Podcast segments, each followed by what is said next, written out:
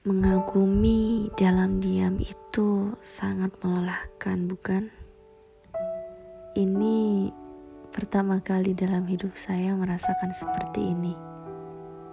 Mengagumi seseorang yang jikalau dibilang selalu saling bertemu, itu tidak. Saling berkabar, tidak juga.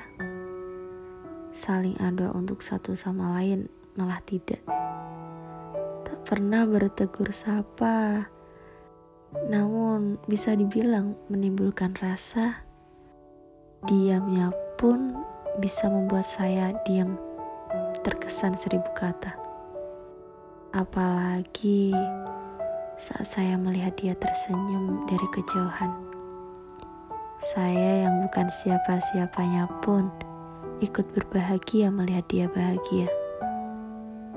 Mengaguminya dalam diam itu sangat melelahkan.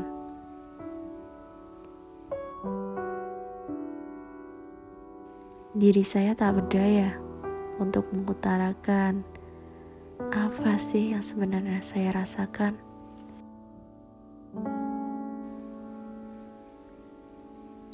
Begitu dalamnyakah harapan saya ingin begitu dekat lalu bersanding dengannya? Tapi tak sekalipun Anda pernah menganggap saya ada.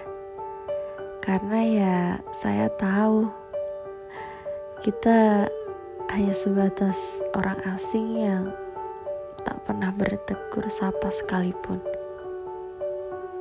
Saya mengaku saya yang salah. Saya yang salah terlalu dalam mengagumi Anda hingga timbul benih-benih rasa sampai saya lupa kita tak pernah sekalipun dalam satu ikatan apa pun. Tak pernah sedikit pun saya mendengarkan Anda mengucapkan nama saya, tapi tenang, tenang saja.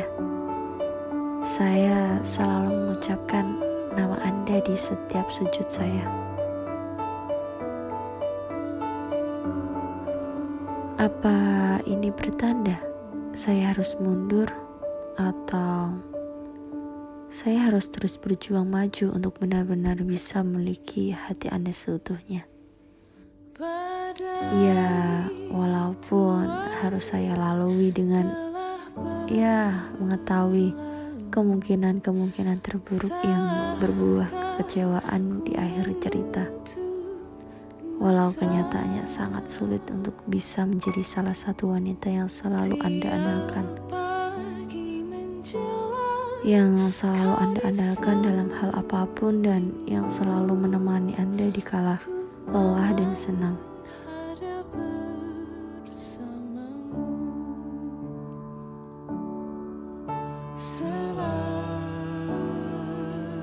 Namun, saya hanya bisa berharap dan berandai jika suatu saat kita akan bersama bersatu untuk selamanya. 10 Juli 2021 Arah